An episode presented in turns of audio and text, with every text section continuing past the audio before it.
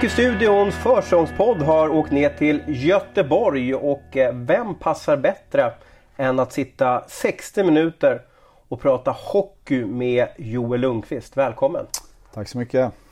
Sommaren är över. Det börjar närma sig hockeysäsong. Och vi måste ju stanna kvar med den här fantastiska sommaren. Sommaren 2018 upplevde jag var bättre än 2019. Men vad är ditt bästa sommarminne från, från sommaren?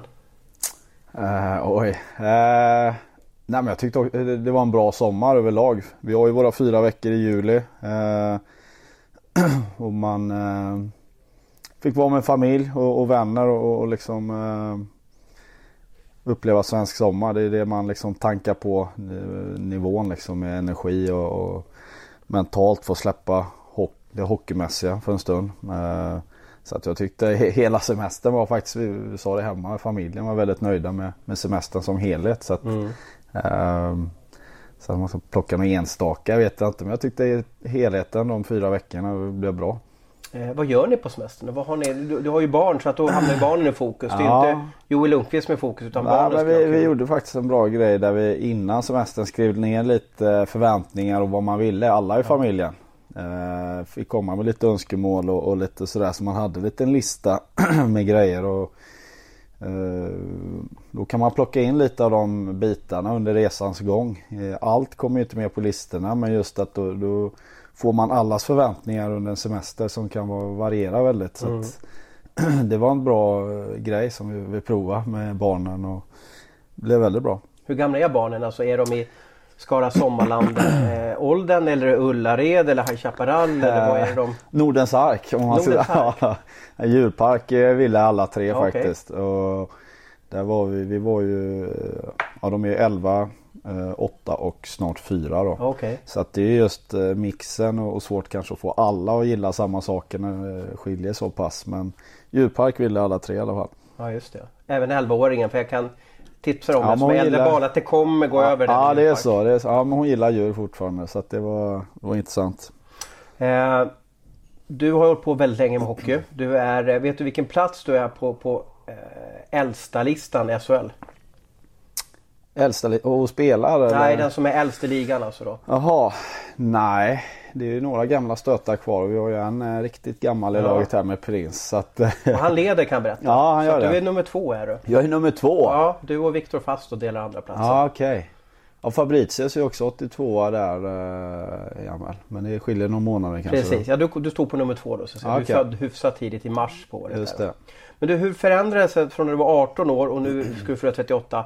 En försäsong då och sommaren. Hur, hur har de förändrats för dig? För du måste ju Eh, Eh, stämmer det att du måste jobba hårdare för varje år som går för att hänga med? Eh, alltså hur man tränar har ju förändrats ganska mycket. Eh, dels under ja, maj-juni när man lägger den här tyngden i, i sin träning. Eh, och sen eh, på sommaren så blir det ju kanske mer att man eh, man kan sin kropp på ett bättre sätt, hur den reagerar, vad man behöver. Så att man måste nästan vara lite smartare i sin träning. Okay. Eh, träna hårt till, till, till viss del självklart och det måste man men eh, man måste liksom veta vad man gör också och lite vad, vad sin egna kropp behöver. Eh, man, är, man är inte 20 längre och kanske inte gör alla övningar precis som de gör utan man, man tar bort någon, lägger till någon annan just för att liksom lära sig vad som är bäst för en själv. Då. Mm, mm. Men eh, i grund och botten så jag gillar att träna alltid gjort så att det, det är klart det är en nyckel för mig att ha en vältränad kropp. När jag gjorde lite research inför den här podden så, så, så lyssnade jag med folk runt omkring det. Vad, ska jag, vad, vad, är speciellt med Joel och vad ska jag prata med honom om? Och då sa de att ja, han är ju på gränsen till absurt noggrann med, med sin kropp, hälsan och alla detaljer och så vidare. Och om vi går in på, på din fysiska status ligger du fortfarande i topp i Per Edlunds tester. Är det, är det korrekt? Och kan du förklara lite hur de här när de säger Per Edlunds tester, vad är det för något? Ja, alltså vi, det är klart vi har ett eh, koppel av äh, äh, tester där vi mäter allt från maxstyrka till äh, uthållighet och explosivitet. Då. och de bitarna som som jag är bra i. Eller det är uthålligheten och, okay. och maxstyrkan är också bra. Jag har sett den här bilden när man cyklar på en, nu visar jag liksom som en maskrörelse framför ansiktet här. När man det är väl här CO2 Max eller VO2 Max? VO2 ja, precis. Eh, nu har vi gått över till Cooper-test så nu springer Ni har gått tillbaka till Cooper? Jajamän, så det går lite i vågor men vi springer faktiskt 3000 meter nu då. Och de som har lite skavanker och inte springer de gör cykeltestet då Okej. med, med mask.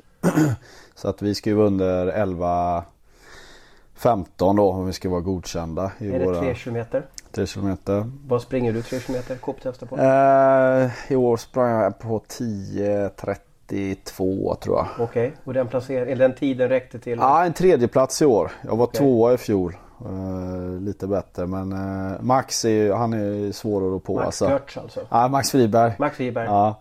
Och sen har vi Joel Mustonen som gjorde en sån kalasspurt i år. Mhm. Sista varvet. Så att eh, de var svåra. Men uh, uthålligheten är viktig för mig själv och mitt egna spel. Att jag orkar spela och åka mycket. Eh, och sen maxstyrkan är, eh, har jag ju en bra grundtränad kropp. Sådär. Det, det som jag har sämre som alltid, det är det explosiva. Hur de här snabba skären liksom. Och Okej. hoppa och sådär. Där är jag inte lika lika bra om man ska vara ärlig. Så att det finns saker att förbättra. Men du att en 37-åring kommer trea i, på Cooper-testet. Är det ett underbetyg till de här, eh, vad ska man kalla för lättar forwards då som, som, som eh, ja, Lash och alla de här. De, de borde ju med, med en yngre kropp borde de liksom vara bättre än dig. Eller är du grymt bra på det? Har du alltid varit bra på, på och- ja, men jag, är ju, jag har väl ingen superlöpsteg, det kan jag inte säga. Eh, men jag har väl ändå varit med i tätklungan när man har sprungit mycket eh, Okej. genom åren. Det har jag. Så att eh, det är svårt att säga. Skulle jag inte ha det då, då tror jag liksom då tappar jag en, en viktig del i mitt spel och orka åka mycket och vara intensiv och sådär. Så att det är Mm. nyckel för mig att kunna, Mm. kunna spela mitt spel. Vilka mer då? Per Edlund då, han som är eh, fysansvarig i Frölunda. Eh, Hans tester ligger du väldigt högt uppe på. Då. Jaha. Eh, Vilka av Per Edlunds eh, mer tester ligger du bra till? Alltså? Eh, nej men det är ju, de, det är de vi mäter mestadels. Du, du, som jag sa, maxstyrkan är bra, ben, knäböj, bänkpress och, och de här. Eh, uthållighetsdelen ligger bra till. Utan det jag är mindre bra på det är just eh, det explosiva när vi hoppar. Spänsten. Spänsten. snabba mm, löpningar kanske 5-10 meter och någon riktningsförändring liksom. Och det är, Okej. det är också en viktig del och det, den har jag väl liksom nästan aldrig haft på något sätt utan jag har väl kanske byggt mitt spel på ett annat sätt. Men jag har ju aldrig varit den mest explosiva skridskoåkaren liksom och, och kommer nog inte bli heller. Utan det, det är vad det är. Man får liksom jobba med sina styrkor där. Mm. Har det här kommit naturligt för dig att du, du har, har bra värden eller har du trä, lagt ner din själ i att träna hårt och träna rätt? Eh, nej men jag, jag har alltid gillat att träna och det är klart när man var yngre höll på med många olika sporter fram till man var 16. Och jag har läst någonstans att du, du har ju som störst påverkan på din eh, syreupptagning. Alltså i 13 till 15-16 års Mm. ålder. Och där var det någon form av träning varje dag nästan. Men det var inte bara hockey utan det var fotboll och innebandy och, och sådär. Så att det tror jag det la en bra grund och sen det är klart de junioråren i Frölunda när man kom hit som 16-åring och, och träna rejält. tränade väldigt hårt ja, eh, under tre år där. Det, det la en bra bas för, för min karriär liksom. Och, Ja. och sen det är klart vi jag har ju haft Perra då, som, som fystränare i, i nästan alla år i min karriär och liksom Mm. han, han står ju för någonting och det är liksom att man måste stoppa in rätt mycket för att, för att vara här. Så att Mm. eh, det är klart eh, det har väl gjort till vad man är idag rent fysiskt då. Mm. Är hela din familj alltså fysfenomen kan man säga så? Alltså, var mamma, Ja. mamma höll på med idrott va? Nej, min, min mamma eh, hon är sjukgymnast. Så hon Okej. tog med hand om eh, skadorna då. Eh, både idrottsskador och, och annat då. Men sjukgymnast och, och pappa var ju skidlärare. Eh, eller drev skidskola i Åre. Mm. När vi växte upp. Så att de kom ju inte alls från någon elitkarriär Okej. eller idrott Nej. på något sätt. Utan mer eh, stöttande och, och fanns med i bakgrunden liksom och, och verkligen bara po- stötta på ett positivt sätt. Men det var ju aldrig att de var inne i själva idrottandet och gav råd och tips kanske så sätt. Utan mer eh, mentalt och, och, och stötta och ställa lite frågor sådär. Mm. Så att eh, ja. Är Henrik också, alltså har samma, eh, inte lätthet att kunna röra sig långt och så vidare. Men märker ni att ni har liknande kroppar och, och liknande? Jo, alltså vi, vi, gjorde, vi var mer lika när vi växte upp och sen är det klart när han, vi tränar ganska identiskt upp till kanske 20-årsåldern. Sen börjar det komma lite mer, mer, mer inriktat mot Målvakter. målvakter och träning hur han bedriver det då. Så att, då börjar det skilja och idag skiljer det eh, 8-9 kilo på oss liksom i vikt. Okej. Så att det är klart vi, vi tränar olika och vi behöver olika saker. Ja. Eh, utan eh, och det är även, vi har ju en syster då som var väldigt aktiv och åkte skidor och tävlade i tennis och sådär. Eh, utan det gemensamma är väl egentligen tävlingsinriktningen som vi hade. det, precis, ja. Och, och det fick vi alla tre trots att vi har två föräldrar då som inte tävlade så på, på den nivån. Men eh, det blev någon Mm. Det blandning var, där. det var vad folk säger att du måste prata med, med, med just med, med hans noggrannhet och så vidare. Sen är ju tävlingsskallen som är unik. Det kanske är svårt för dig att, att sitta själv här och prata om det men, men hur får man en, en god och bra tävlingsskalle? För jag, jag har förstått att du, du är så noggrann med allt du gör bara för att du så oerhört gärna vill vinna. Så att, säga, liksom. att det får inte fuskas på någonting. Var kommer det här ifrån? Det när du och, och bror Henrik låg och slogs så att alla ville vinna slagsmålet? Ja men det, det, det kom tidigt och, och eh, det är ju inget man, som jag sa, våra föräldrar var inte alls eh, på det sättet eller prata tävling eller idrott på det sättet utan vi, vi bara hade det från, från start. Kommer jag ihåg och det var, det var liksom tävling i allt vi gjorde. Mm. Men i vad då? Och springa först till matsalen eller vad, hur?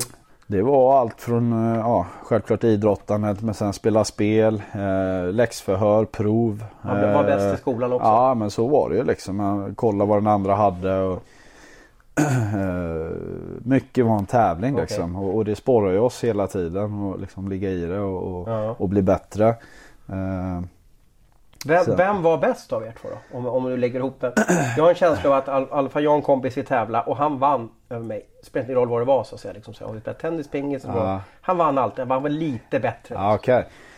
Nej men vi var, vi skulle säga att vi i och med att han blev målvakt tidigt och, och sådär så själva eh, hockeyn kunde man ju inte jämföra så. Mer Nej. tennis, kanske skidor. Där vi tävlar en Ja. mot en om man säger. Då var det ju mer dagsform. Där slog Okej. vi Ni varandra. var, ni var så jämna alltså? Ja, så ena dagen kunde den ena vinna och nästa den andra. Och samma i brottning liksom. Man skulle brottas så var Mm. inte den andra mycket starkare utan det var lite dagsform som avgjorde där. Ehm, utan det, det var kanske mer om man ska skilja hockeyn där. Han, han eh, när vi var 15, 14 här kom jag han med i TV-pucken ett år tidigare med Skåne där. Mm. Så att där var han ju lite före. Ehm, Kanske svårt att jämföra utespelare och målvakt. Ja det blir ju det. Samt som att ska man se rent fysiskt och, och lite sådär så var vi väldigt jämna Mm. upp dit till den åldern här. Vad är vinnarskalle för dig? Ja, det är att man inte ger sig. Eh, man är, behöver inte vara liksom bäst tekniskt eller eh, fysiskt för den delen heller.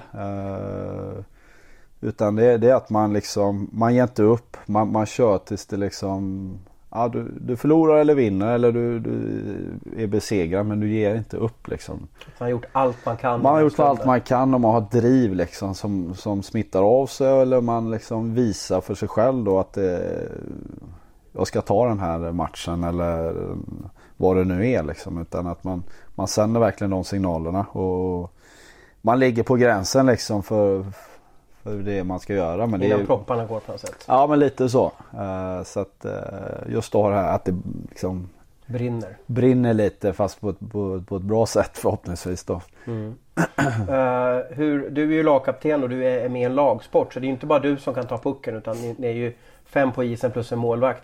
Hur gör du för att dina lagkamrater ska förstå att nu går vi in i bubblan, nu ska vi vinna? Vad, vad, vad Nej men det, det är ju saker du inte kan eh, sätta på andra utan alla har ju sitt sätt att förbereda sig och, och eh, hur mycket man vill vara i, i den här bubblan. Utan eh, det är ju upp till var och en. Vi är liksom på en professionell nivå där eh, alla förbereder sig på sitt sätt. Sen eh, är det ju självklart att du har ett spel som som du har satt liksom med, med ramar för laget. Och, och där är det oerhört viktigt att du liksom, det är laget först och, och du gör det som är bäst för laget.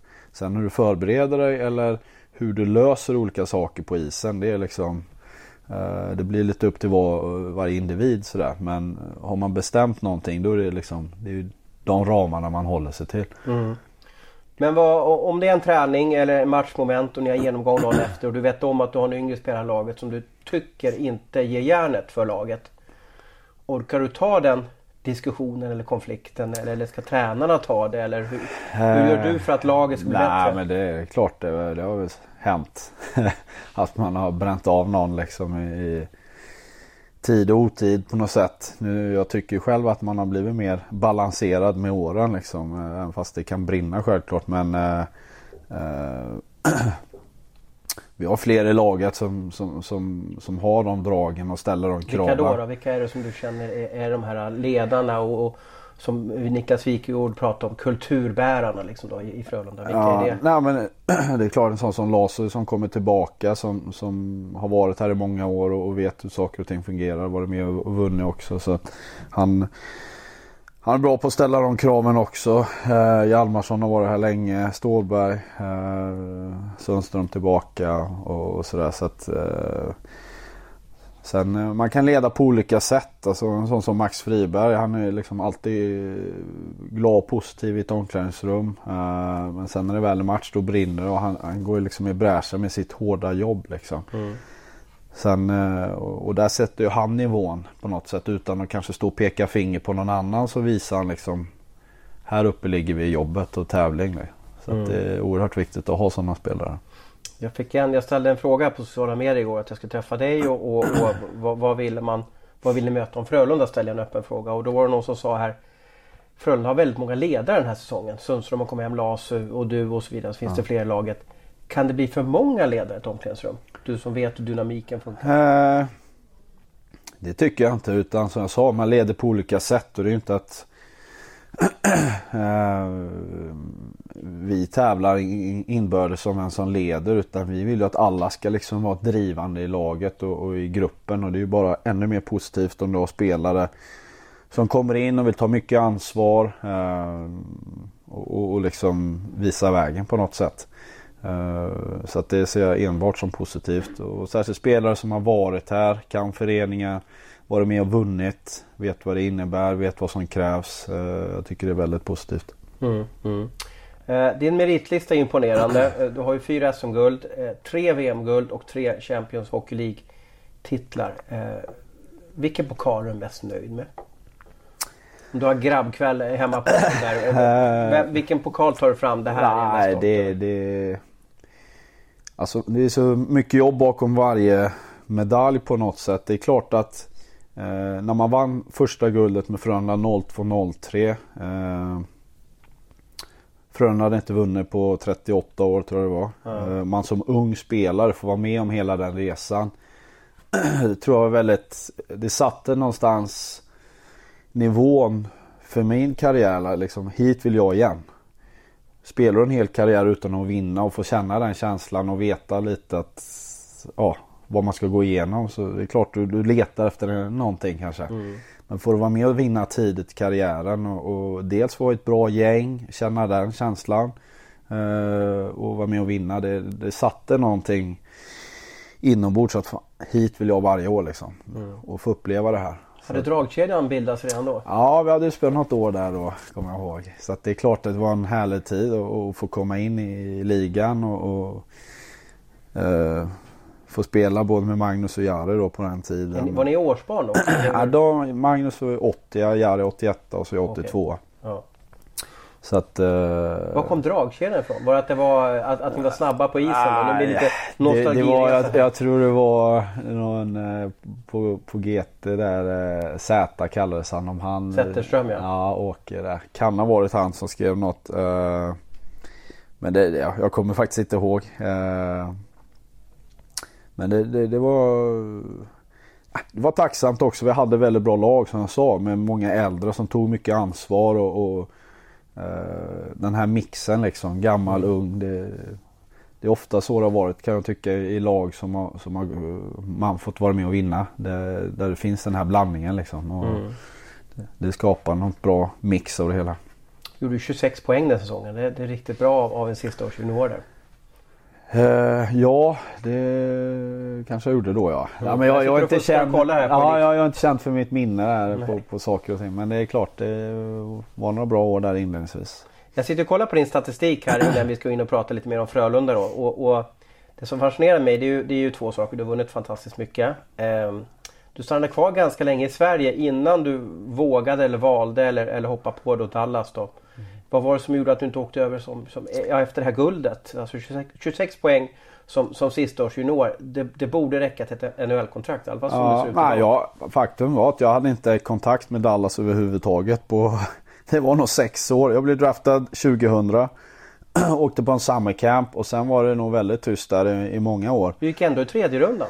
Ja, eh, jag hörde inget i alla fall. Och, eh, det var ju lite skillnad också för då hade de ju rättigheterna hela tiden. Mm. Som idag så försvinner väl rättigheterna efter några år. Så att, det blev lite att ja, han får väl stå på tillväxt eller så, så får det bli liksom. Eh, det var ju samma Henrik åkte över ett år innan mig bara. Han hade ju mm. haft några också några riktigt bra säsonger mm. där. Men eh, Faktum var att det var efter 2006 eh, och VM-guldet där i, i, Riga. Det var i samma veva där under den turneringen. Det liksom började komma ordentligt snack och, och så blev det klart där då. Mm, mm. Eh, sen var det tre säsonger i Dallas organisation. Du var ju mestadels i, i eh, Första året så, så delade säsongen. Andra säsongen så var du mer NHL och, och sista säsongen så var det 43 matcher. Eh, om man ser statistiken så ser det ut som att du var lite skadedrabbad de här åren. Det var ju mitt sista år. Uh, första året och and även andra året så så var jag hel utan det var mitt sista år. Dålig timing när de skulle skriva nytt. Då fick ja. jag min första riktiga skada faktiskt. Jag hade inte haft Vad någonting. Var det för typ av skada? Uh, jag brakade in i sargen och så fick jag spricka i skulderbladet. Uh, så jag missade ju 10-12 veckor där. Mitt i säsongen. Så att Kom väl inte riktigt igång och sen i slutet så skulle jag åka på VM och då drog jag baksidan uh, i låret där så då fick jag packa ihop där också. Så att Summa summarum. Uh, jag hade gärna varit kvar i, i Dallas om det hade liksom eller NHL och, mm. försökt kriga på men det, jag hade ingen bra sista säsong. Det fanns inte förutsättningar för något kont bra kontrakt utan mer ett tvåvägs någonstans och det var jag inte riktigt sugen Nej. på. Så att då valde jag att flytta hem, göra en ny satsning med, med Frölunda där. Ja.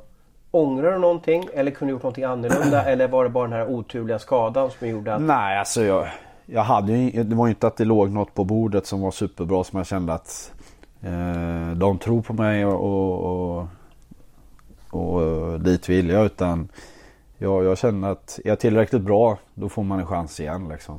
Så det var ju så jag kände. Jag åker hem men det var inte att jag stängde dörren för NHL utan kommer jag spela tillräckligt bra då, då får man chansen igen kanske. Så att det, det ångrar jag inte, absolut inte. Nej, och du har haft fina år i, i Frölunda måste man ju säga i alla fall.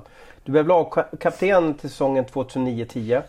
Eh, vilka ledarpersonligheter eller lagkaptener hämtar du inspiration för och vilka har du, vilka har du sett upp till och eh, I grund och botten är man ju klart eh, sig själv och, och, och, de värderingarna som man har vuxit upp med från föräldrar och familj på något sätt. Sen är det klart Kom upp i Frölunda eh, med Mikael Andersson, många år i NHL, Jonas Jonsson, eh, ledartyper på sitt sätt. Ehm, sen någon som, som verkligen eh, Det är klart NHL när man var där också och ser hur de leder. Då hade vi Brandon Morrow i Dallas.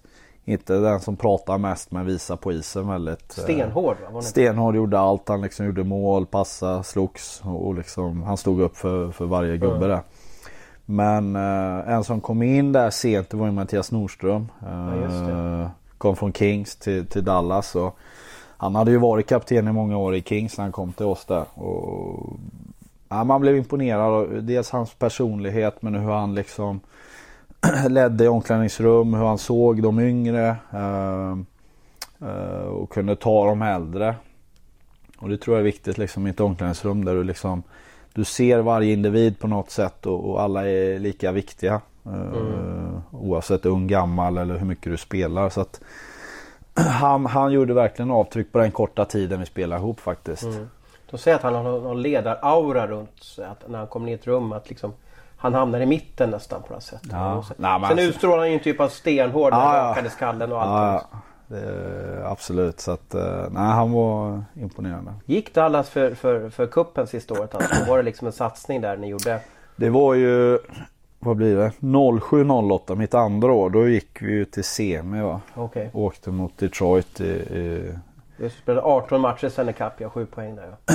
Så att det var ju konferensfinalen där. Eh, Så att det var, det var nära men ändå inte på något sätt. Men eh, då kom det in lite spelare. Sen var det ju tyngre sista år där de missade slutspel. Mm. Du var väl, måste varit där under Mike Modernos storhetstid också kanske? Ja det Var var egentligen si-? Ja han hade ju kanske tidigare. mer tidigare men var ju ändå Det var ju stort för när jag kom så, så hamnade jag bredvid honom i omklädningsrummet. Det var Ja. ju liksom Sjukt stort. Men han är ganska lättsam sägs det. Ja, nej det var en jättebra kille. Sen är det klart han har varit där i många år och, och hade sin krets som han liksom var Hängde med. med. Ja, hängde med sådär. Så att, men just i omklädningsrum och i, i hallen så var jättebra kille. Mm. Vad lärde du av honom? Eh, ja, man kollar ju mycket. Just hans skridskoåkning var ju inte att man lärde sig. Men däremot, hans backhand var ju också helt enastående. Hur han kunde snärta till backhandskott och stenhårda pass och, det här. Så att eh, det är klart man tittade och liksom försökte ta in. Men det var kanske inte att man eh, efterliknade så mycket. Men det är klart man, det var, var stora spelare som man hamnade med där. eh, Som, vad var man, 24. Det var Sergej Zubov, Murray Turk och Jere Lehtinen. Det fanns många ledande spelare i Dallas då. Kommer jag ihåg. Det måste varit en rolig period. Ja. Eh, som sagt var, du är 37 nu. Hur gör du för att orka ännu en säsong? Vi, det var lite roligt när vi skulle få till den här äh, podden så var det ju det var, äh, vi båda var upptagna men, men främst nu så är det ju sponsorer och det är resor och det är saker och så vidare. Det är ju inte bara att spela hockey. Jag tror många kanske tror det att ja men det här var ganska bra. Men ditt schema för säsongen måste ju vara helt galet. Eh, ja, första två, tre veckorna i augusti brukar vara körig alltså. Det är Okej. mycket, ja, det är sponsorer och sen är det inspelningar, det är fotograferingar. eh, och plus att vi har långa dagar då med, med träning så att Det Lägga grunden. Ja men så är det. Så att det blir till att planera och, och använda week calendar där liksom. När Ja. man får in alla grejer så att det inte glöms av saker till höger och vänster. Sen brukar det lugna ner sig lagom till seriestart här då. Är det kul det eller är, är det sånt här som gör att man Ja när du ska ta beslut om din framtid väger in att nej jag vet inte sjutton om jag orkar ett år till. Eller, Nej du- men jag tycker det är en del av det. Jag har inga problem med det. Eh, så länge det är liksom i anslutning till hockey och man är här och, och det liksom planeras in. Det jag har svårare med det är kanske när det tar av mitt andra liv, alltså familjetiden. Eh, det kommer lite korta snabba ändringar. Det är någon ledig helg som försvinner för man ska göra ditten datten eller, eller sådär. Och det är klart man planerar mycket där hemma också för att få det att funka med tre kids och aktiviteter och matcher och allting vad det är. Så att det är klart jag, jag månar verkligen den tiden och då gäller det att, att planera tid. Så att det vet man ju här inne också i klubben att jag är väldigt jag vill ha koll på, på grejerna eh, så det inte kommer något i sista stund så för då, då blir det, kan det vara svårt att lösa. Då blir du tjurig. Det har hänt och det vet de om också så att de brukar ligga i framkant med, med sakerna. Det finns två saker som är lite unikt med dig. Eh, Den ena är att du bor alltså på, det här kanske låter som inte jag är från Göteborg som att jag är dum i huvudet. Men du bor alltså på en ö utanför Göteborg och åker färjan till stan och sen åker bilen eh, eller spårvagnen vad gör nu till Frölundaborg. Hur, hur lång tid tar det från dörr till dörr? Eh, jag brukar tajma rätt bra. Eh, så att 35-40 minuter. Ja, det är inte längre Nej. Det är ju som utan, att eh, åka halva Essingeleden i Stockholm. Ja, okej. Mm. Och plus att då har du liksom eh, 10-12 minuter du sitter still i bilen på färjan. och Och kan, kan, gå igenom och fånga upp. kan liksom ställa om fokuset. Det är det jag tycker är skönt. Jag är på väg in till träning. Ja, då, då lämnar du den delen och börjar rikta fokuset mot, mot träning eller match eller vad det nu är.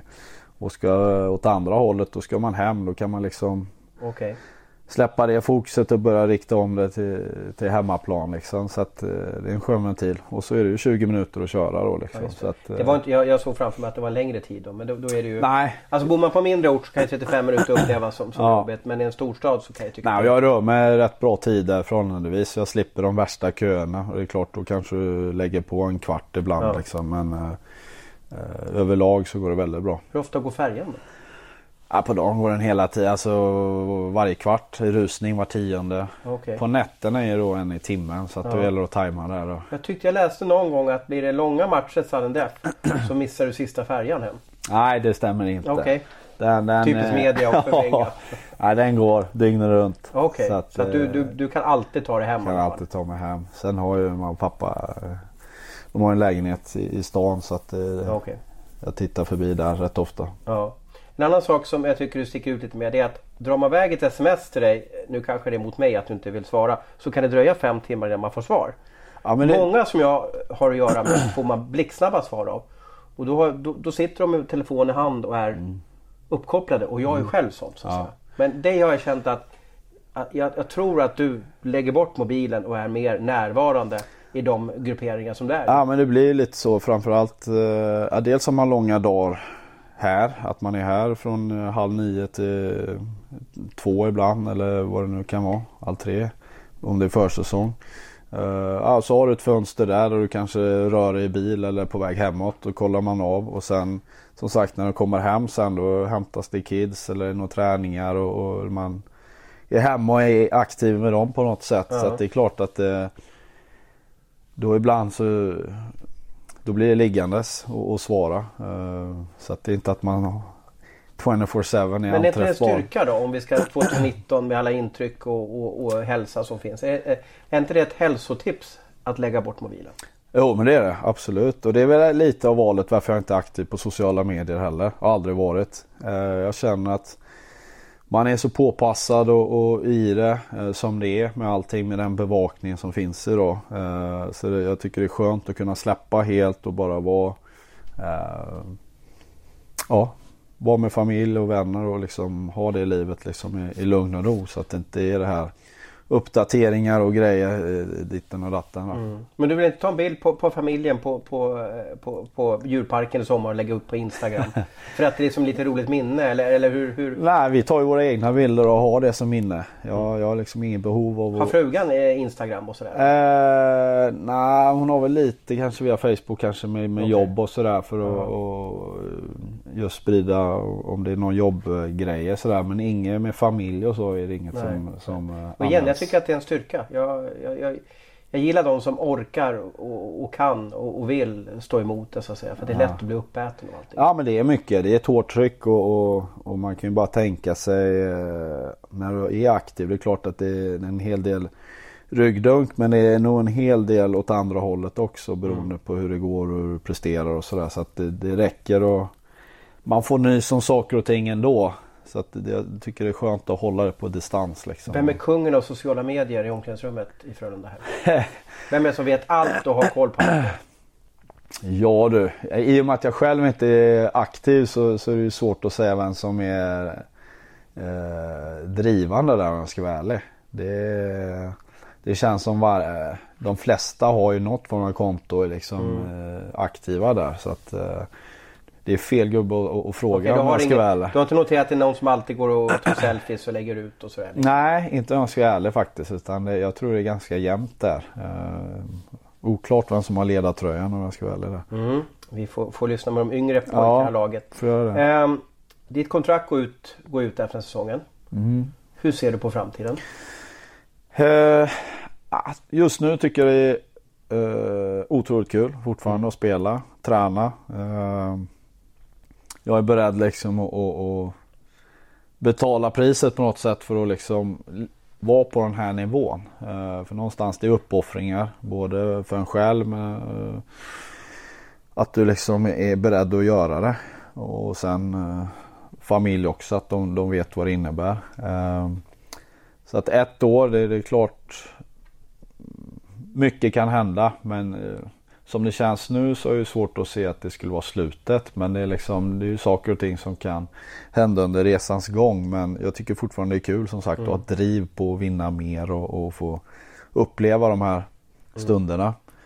Så att eh, vi får se här under hösten. Vi, vi kommer att ha en dialog och, med klubben och sådär hur vi ser på, på framtiden här. Jag pratade med Fredrik Sjöström i, i morse inför den här podden och han sa att de bestämmer sig Joel eller känner Joel att han vill lägga ner den tid som behövs och har hungern att, att det finns i, i mm. järnbalken här att jag vill vinna. Då, då vill de väl förlänga med det vilken dag i veckan så att säga. Så att jag mm. tror pucken eller bollen ligger hos dig lite om du känner mm. att nej, men jag, jag, jag är så påslagen fortfarande. Mm. Hur gör man för att, eller är, varför vill du fortfarande spela hockey om man säger så? Vad är det som gör, du har ju vunnit allt som vi pratar om. Men vad, och du kan lägga ner tid och ha familjen på en ö.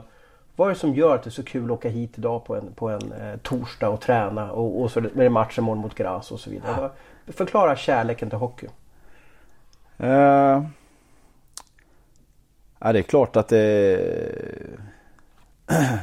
det har blivit ens liv. Men jag menar när man som 5-6-åring börjar drömma om att få spela på, spela hockey och, och, och, redan i den åldern faktiskt drömma om att spela i Frölunda och, och få leva sin dröm på något sätt. Det, det är ju få förunnat självklart. Eh, det är ett privilegiet liv, alltså att få hålla på med, med hockey liksom på heltid och Uh, nej, just att få träna. Jag gillar ju att träna och tävla. Det är ju det som driver en någonstans. Mm. Att vinna. Uh, vinna matcher, träna och kanske vinna något på träning. Alltså det är det här som triggar. Mm.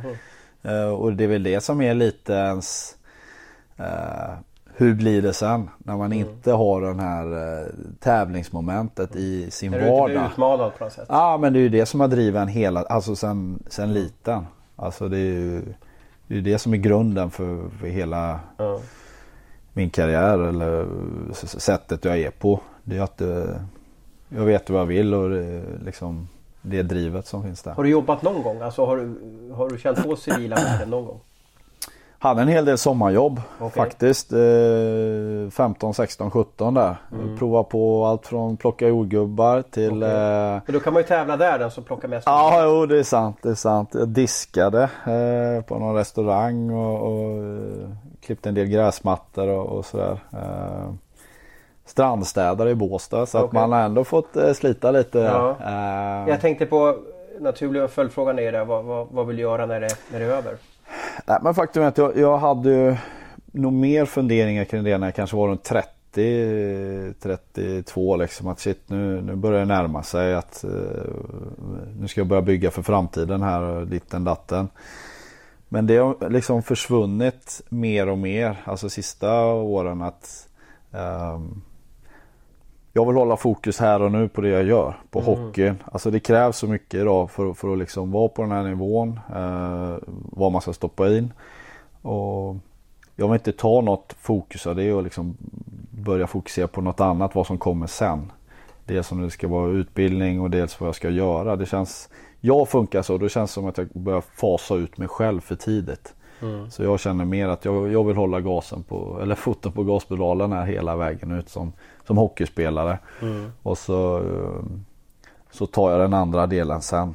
Eh, I och med att jag prioriterar dels den delen men även familjelivet. Liksom att det, jag vill inte ta något av de två världarna som det är nu utan jag vill liksom fokus på de två. Mm, det är nog klokt. Du borde ju vara bra eh, lagkapten i, ja, i tionde säsongen nu, elfte säsongen i Frölunda.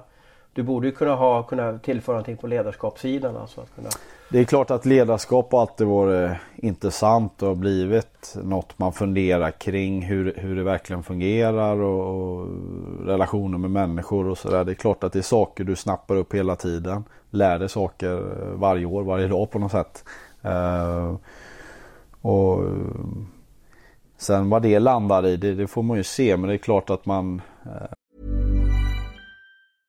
Ryan Reynolds här från Mint Mobile. Med the price of just about everything going up during inflation, we thought we'd bring our prices down. So to help us, we brought in a reverse auctioneer, which is apparently a thing. Mint Mobile unlimited premium wireless. Ready to get 30, 30, bit to get 30, bit to get 20, 20, 20, bit to get 20, 20, bit to get 15, 15, 15, 15 just 15 bucks a month. So, Give it a try at mintmobile.com slash switch. $45 upfront for three months plus taxes and fees. Promo rate for new customers for limited time. Unlimited more than 40 gigabytes per month. Slows. Full terms at mintmobile.com. Man har ju lärt sig saker under året just när det, när det kommer till de sakerna. Ehm, och det är väl något man kanske vill ta tillvara på på något sätt. Det kommer säkert lösa sig för dig efter karriären. Eh, vi ska gå in på Frölunda, eh, laget. Eh, första frågan om, om eh, Frölunda Hockey det är varför nu med lite distans vann ni SM-guld i våras? Eh, vi gjorde en resa. Eh, vi var inte bäst när, när säsongen startade. Men vi var det när det slutade. Eh, den resan vi gjorde att vi, fick in några bra värvningar under resans gång som liksom eh, Ja det fick, fick det att klicka och vi har ju kommit tillbaka till den här CHL-finalen som liksom någon form av brytpunkt. Vi, vi svajade en hel del fram till dess både hemma och borta. Eh, gick in och gjorde en väldigt skarp insats och fick vinna en titel och, och verkligen fira tillsammans och njuta av det och på något sätt vi växte samman där som, som grupp och lag. Och, eh, ja, vi blev skarpare i sakerna vi gjorde efter det på något sätt. Eh, Ni förlorade knappt någon match efter det känns det som. Ah, vi, jag tror vi hade 17 raka hemmasegrar. Okej. Eh, Från den och framåt. Eh, och det blev på något sätt tydligt hur vi ville agera. eh, vilka krav vi kunde ställa och sådär. Så att det, det är ju en resa. En säsong det är, en- det är en lång resa liksom. Man vill ju köra den vägen att du hela tiden blir bättre. Och, och den känslan vi skapar då som lag den var väldigt stark. Alltså. Det är inte eh, många gånger man känt det hur vi växte samman. Alltså. Hur känner man sånt? Är, är det, för det säger många, ja, vi kom samman som grupp och, och så tillsammans gjorde vi. Men är det en speciell stämning i ett omklädningsrum eller, eller, eller blir det ett speciellt prat? eller hur, hur det där väcks samman? Nej, men jag, jag tror dels är det, har det mycket med rollacceptans. Alltså det är ju eh, i ett lag en positionering under en säsong. Vilka som spelar, hur mycket man spelar. Eh, eh, och det, det är inte bara för att ett lag sitter på pappret i augusti så är det, liksom, det är ju en ständig kamp lite i laget också. Hur man, mycket man spelar och, och hur man presterar som, som lag. Men jag tror när man väl landar i okej nu är det det här som gäller och, och man accepterar eh, om man spelar fyra minuter eller 24 liksom. Och du sätter laget först hela tiden. Det finns ingen annan agenda utan laget är alltså du Du gör allt för ditt lag ska vinna matcherna. Och, det, och det kan ta lång tid och ibland känner man att det läcker någonstans. Så att det, det låter lättare än vad det egentligen är tror jag att komma dit. Att du får alla i hela laget och verkligen bara connecta på för lagets bästa liksom. Mm. Kan det vara så att någon går i tjur i omklädningsrummet och då har man inte riktigt fått ihop gruppen? Ja men så är det. Man är, det är klart att man ska vara besviken om man inte spelar eller ditten och datten. Men eh, man kommer ner till att eh, ska man gå hela vägen och vinna så kan du inte ha någon läckage liksom. Att någon, Nej. någon, någon liksom går och funderar. eh, Jag spelar mer powerplay eller jag vill ha mer minuter. Eller, och du gör kanske inte de grejerna på isen liksom som man har sagt ordentligt. Utan det, det slarvas lite. Så att eh, jag tror, det var väl det man kände att strukturellt så, så blev vi mycket skarpare hur vi spelar tillsammans där ute. Mm, mm, mm. Om vi ska kika lite på lagbygget inför kommande säsong. Eh, jag vill påstå att ni inte har allt för stora tapp då, speciellt inte på, på forwardsidan. Ni har tappat Che Genoway eh, eh, och Sigalé. Eh, det var ju två duktiga backar. Och så har ni tappat eh, eh, bröderna Westerholm. Eh, och eventuellt då Samuel eh, Fagemo då. Eh, som vi inte vet om han ska spela i NHL eller inte. Vilket tycker du är tyngsta tappet? Vilken spelare som du känner Nej, det där, honom skulle vi haft kvar. Eh, ah, det blir så här klassiskt först då att alla, de var ju så olika. Eh, klart bröderna var ju mer lika varandra men att de, de bidrog på så många olika sätt. Ja. Eh, Genoway blev väldigt spetsspelare med sin skridskoåkning och attackspel, särskilt i slutspelet och, och bröderna med sitt, sitt give and go-spel. Men eh, Sigalero som hade varit här några år var ju verkligen en ledare där bak. Eh, han var viktig för importen också kanske få ihop dem på ett bra Okej, sätt. Han var lite ledare, Ja men, li- ja men lite så absolut. Eh, Så att eh, Sen spelmässigt så, så var det ju liksom bidrog de på, På sitt sätt. på sitt sätt allihopa på, på fantastiskt bra sätt. Så att eh, eh, de kommer kännas eh, tappen på sitt sätt. Mm. Men, men Sigalé var väl kanske lite mer ledarroll eh, roll Jag också. blev lite förvånad när, när Frölunda släppte honom till Brynäs. Är, är du som lagkapten och varit med länge, är du lite inblandad i lagbygg? Kan de rådfråga dig?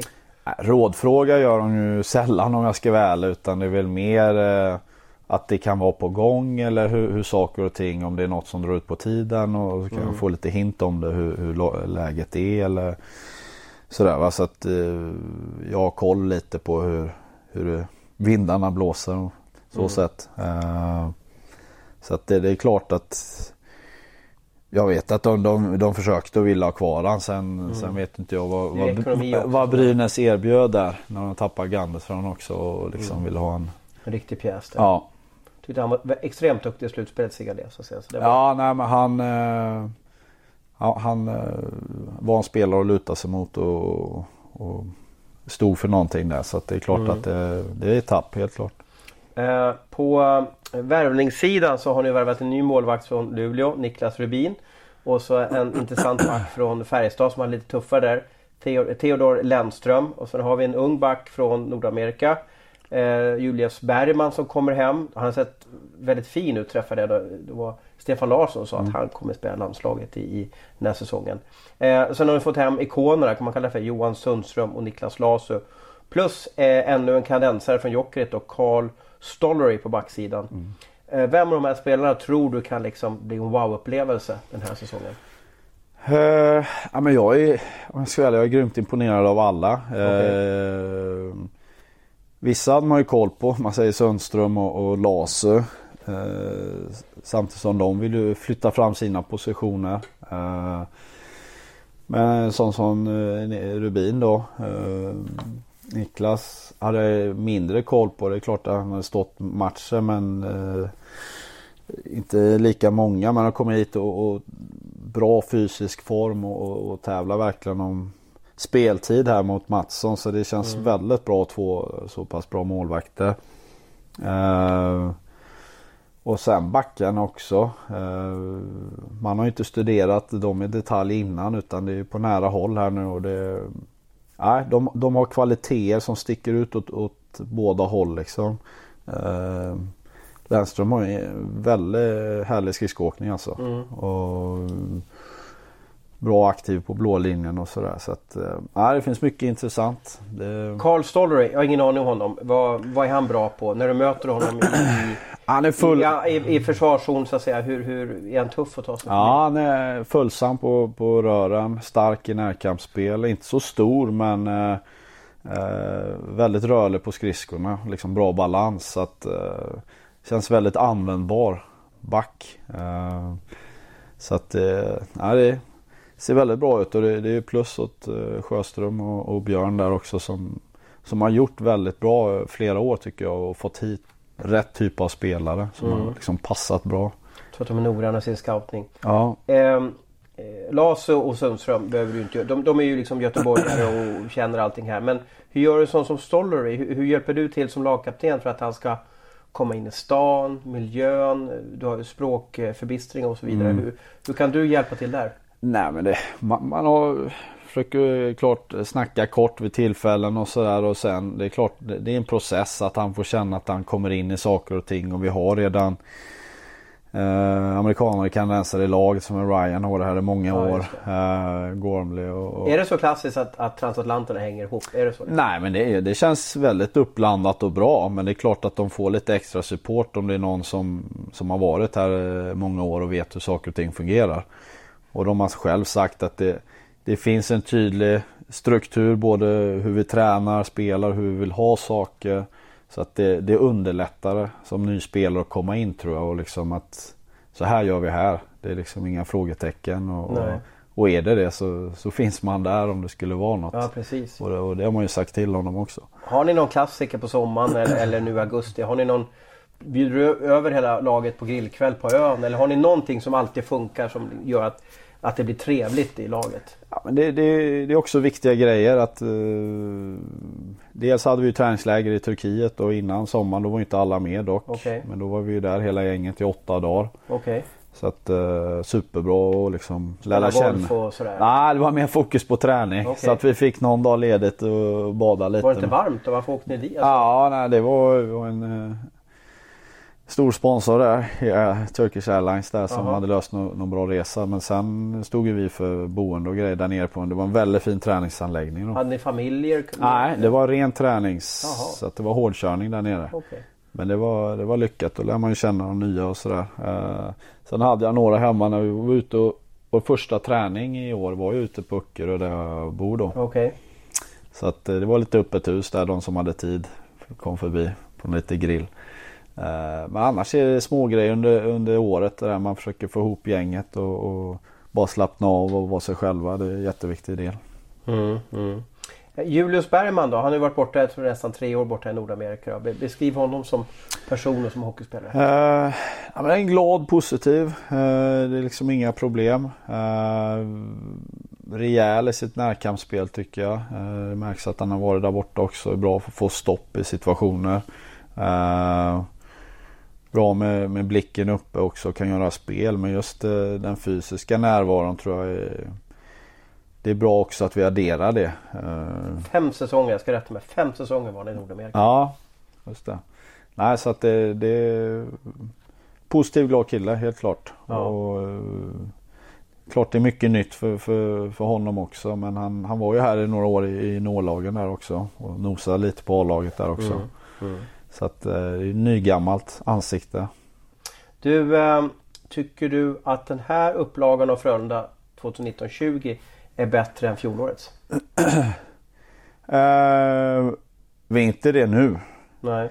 Ofta har man ju en tanke att man vill börja där man avslutar men så enkelt är det ju inte utan eh, det vi skapade och det vi presterar liksom i april-maj där är vi absolut inte nu men samtidigt så tror jag att vi kan eh, bli minst lika bra. Jag tror vi kan bli bättre. Eh, dels med, med de lärdomarna vi drog själva, vi som är kvar.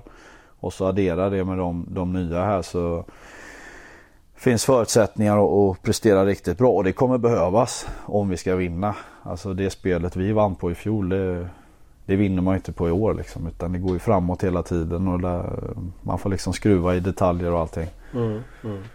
Är du hockeynörd? Alltså, om, om jag frågar dig eh, exempelvis vilka tror du kommer topp 4 i SHL?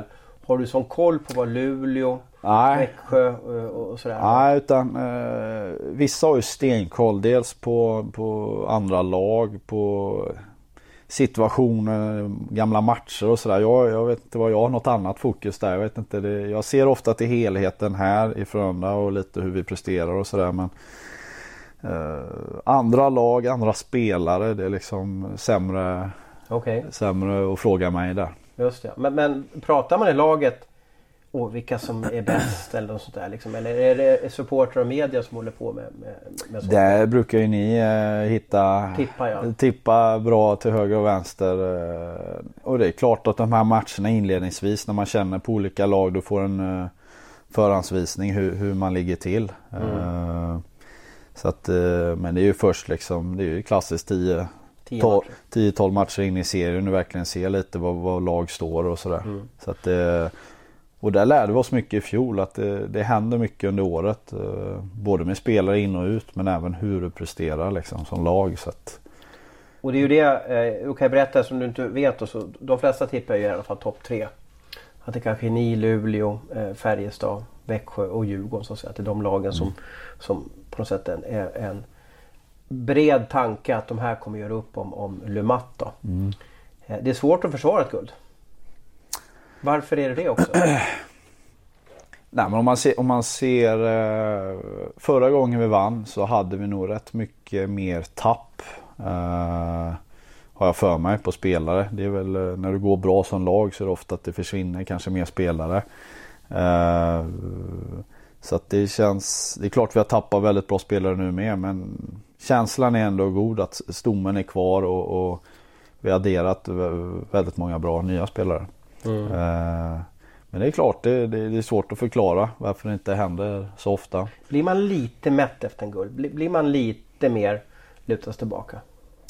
Jag vill inte tro det. Eh, de gångerna man har vunnit så eh, det är inget man reflekterar över. Utan det är ju mer att man, man vill ju dit igen. Man vill vinna igen. Eh, och uppleva det här liksom. Så att det, det är svårt att svara på. Om det, om det är det eller andra lag som liksom jagar en på ett annat sätt. Eller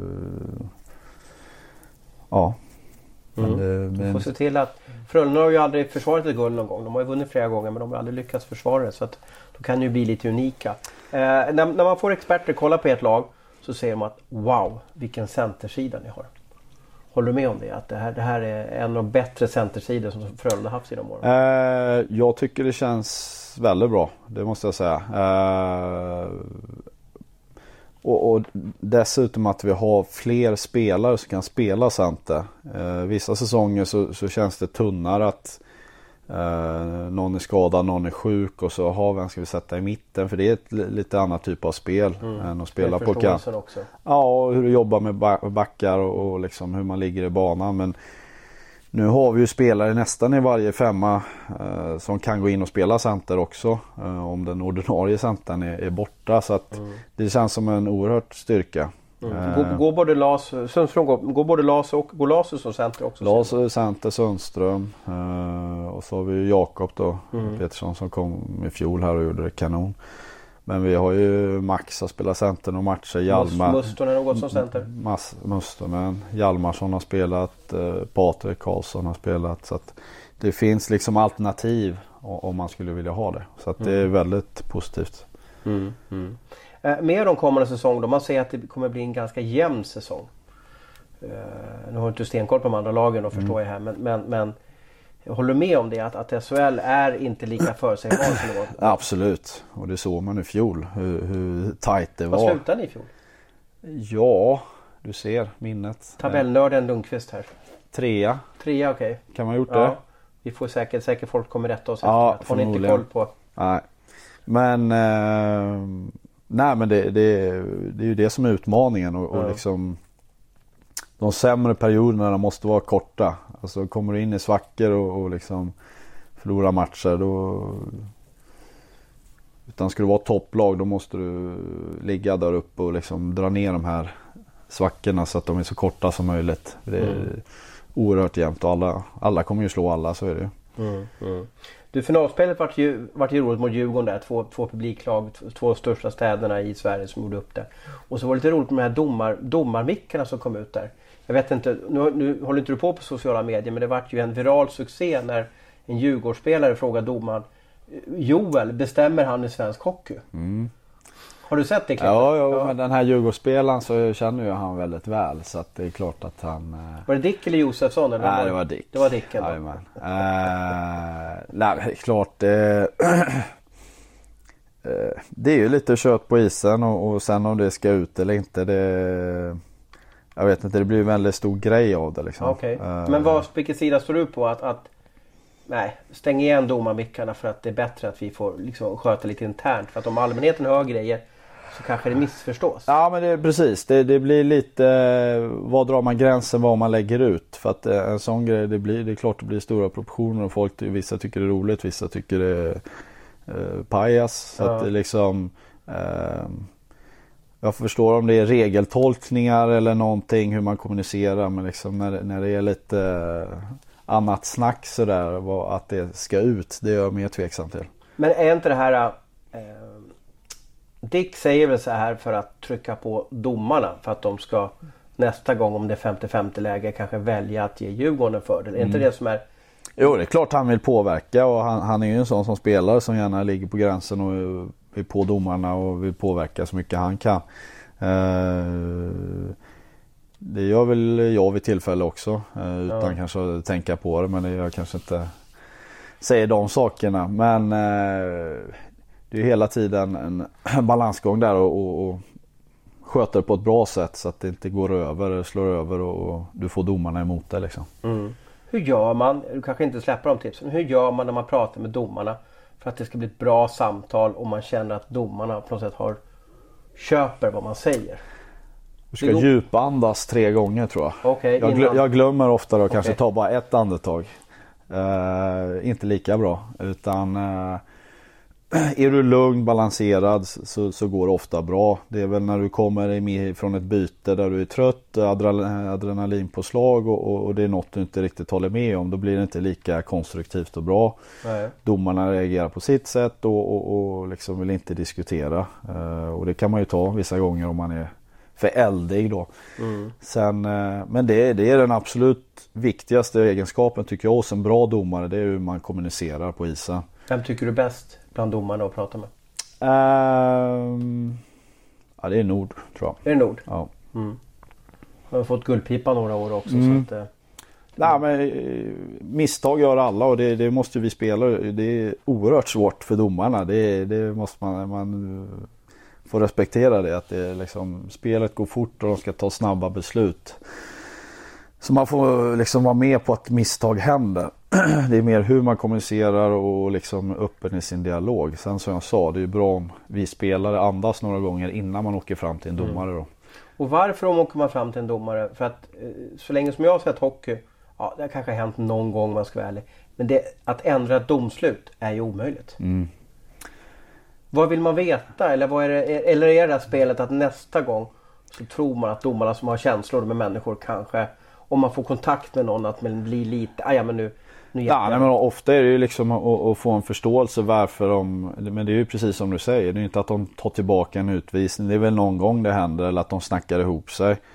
Men det är väl mer när det är liksom tveksamma situationer och man ser att de, själv, de själva har inte riktigt kanske hundra uppfattning om vad som hände. Eller, och då vill man ju eh, ha en dialog där och, och Ja. liksom eh, konfrontera hur de tänker, resonera vid vissa beslut som man kanske inte själv håller med om alla gånger. Nej. Och sen åker man tillbaka till båset och försöker förmedla det här som Ja, och just som jag sa, kan man då kommunicera på ett bra sätt så minskar ju de här missförstånden och aggressionerna liksom från båda håll. Så att, eh, men som sagt, det, det, det är inget lätt jobb och, och det glömmer man av ibland i stridens hetta. då. Men det är också en del av showen kan jag tycka att du vet när du glider in på Hovet och så åker du fram till domaren och pratar. Du vet ju om att det är ju det är några som kommer bua på läktaren. Eh, Jag kan tycka att det är en del av charmen också. Att Jo men så är det ju. Det är, jag menar, hemmalag och, de har ju en förmåga att sätta press på domare och det är klart. Det är bara för vem som helst att tänka sig själv och, och känna det trycket i en arena och åka ut och ta de här viktiga besluten.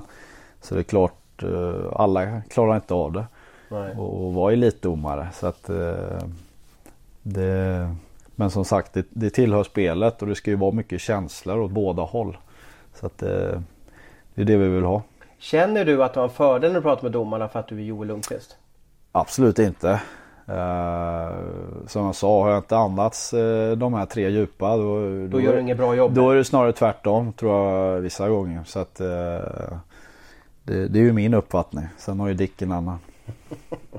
Du, vi har poddat en timme eh, ungefär. Eh, tanken med podden eh, börjar bli tjatig. Det är att man ska springa ungefär en mil och så ska man lyssna på den här eh, podden att det ska ungefär vara samma tidsintervall. Vad springer du milen på? Uff, det var länge sedan vi gjorde det. Jag har inte gjort det många gånger i Du karriären. springer inte på sommaren på en kväll? Nej, utan då, då går jag ut och kör korta tuffa intervaller. Okej. Jag går nästan aldrig ut och löper så här. Intervall är det som är så tråkigt. Det är det som ger något när du ligger nära VO2 max pulsen där. Inte det här nötandet utan vi måste liksom upp och, och verkligen slita för det. Så jag kör mycket backe och sånt på, på Okej. somrarna då. Eh, så att, Men du borde ticka in på 43, 44 kanske minuter. oklart faktiskt om jag Okej. ska vara ärlig men eh, kanske. Ja just det. Eh, rolig podd Joel. Jag brukar alltid avsluta också med att ställa en djupare fråga. Och det är att vad är det tuffaste du har varit med om i ditt liv? Uh, nej det, det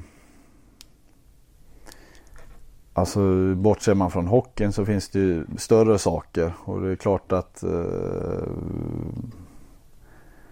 det är två grejer som sticker ut om man ska vara ärlig. Det är ju dels eh, min egen far som gick igenom en tuff operation. Eh, 2007 och med komplikationer eh, på olika sätt eh, som förändrade hans liv och, och vårat liv liksom. Eh, men han lever liksom eh, och det, det, är man tacksam för. Och, och sen eh, svärfar då som, som gick bort eh, i sjukdom då. Och det är också, vad är det, 15 år sedan någonting. Okej, okay. så det var nästan under några år där som det var två tuffa smällar? För. Ja, det, det är klart att det är två grejer som, som det, det, är tufft och det, det, är mycket sånt som händer runt omkring en liksom i livet med folk man känner eller det händer saker och sådär. Så att det, det är klart, då blir ju hockeyn inte alls lika viktig. Nej. Jag var i HVR och tog upp Stefan Liv att jag påverkade. Det var Johan Hult jag pratade med där. Men, men hur de här smällarna i ditt liv, hur förändrar dig som människa och även som hockeyspelare? Nej, jag tror mer som människa att, att uh,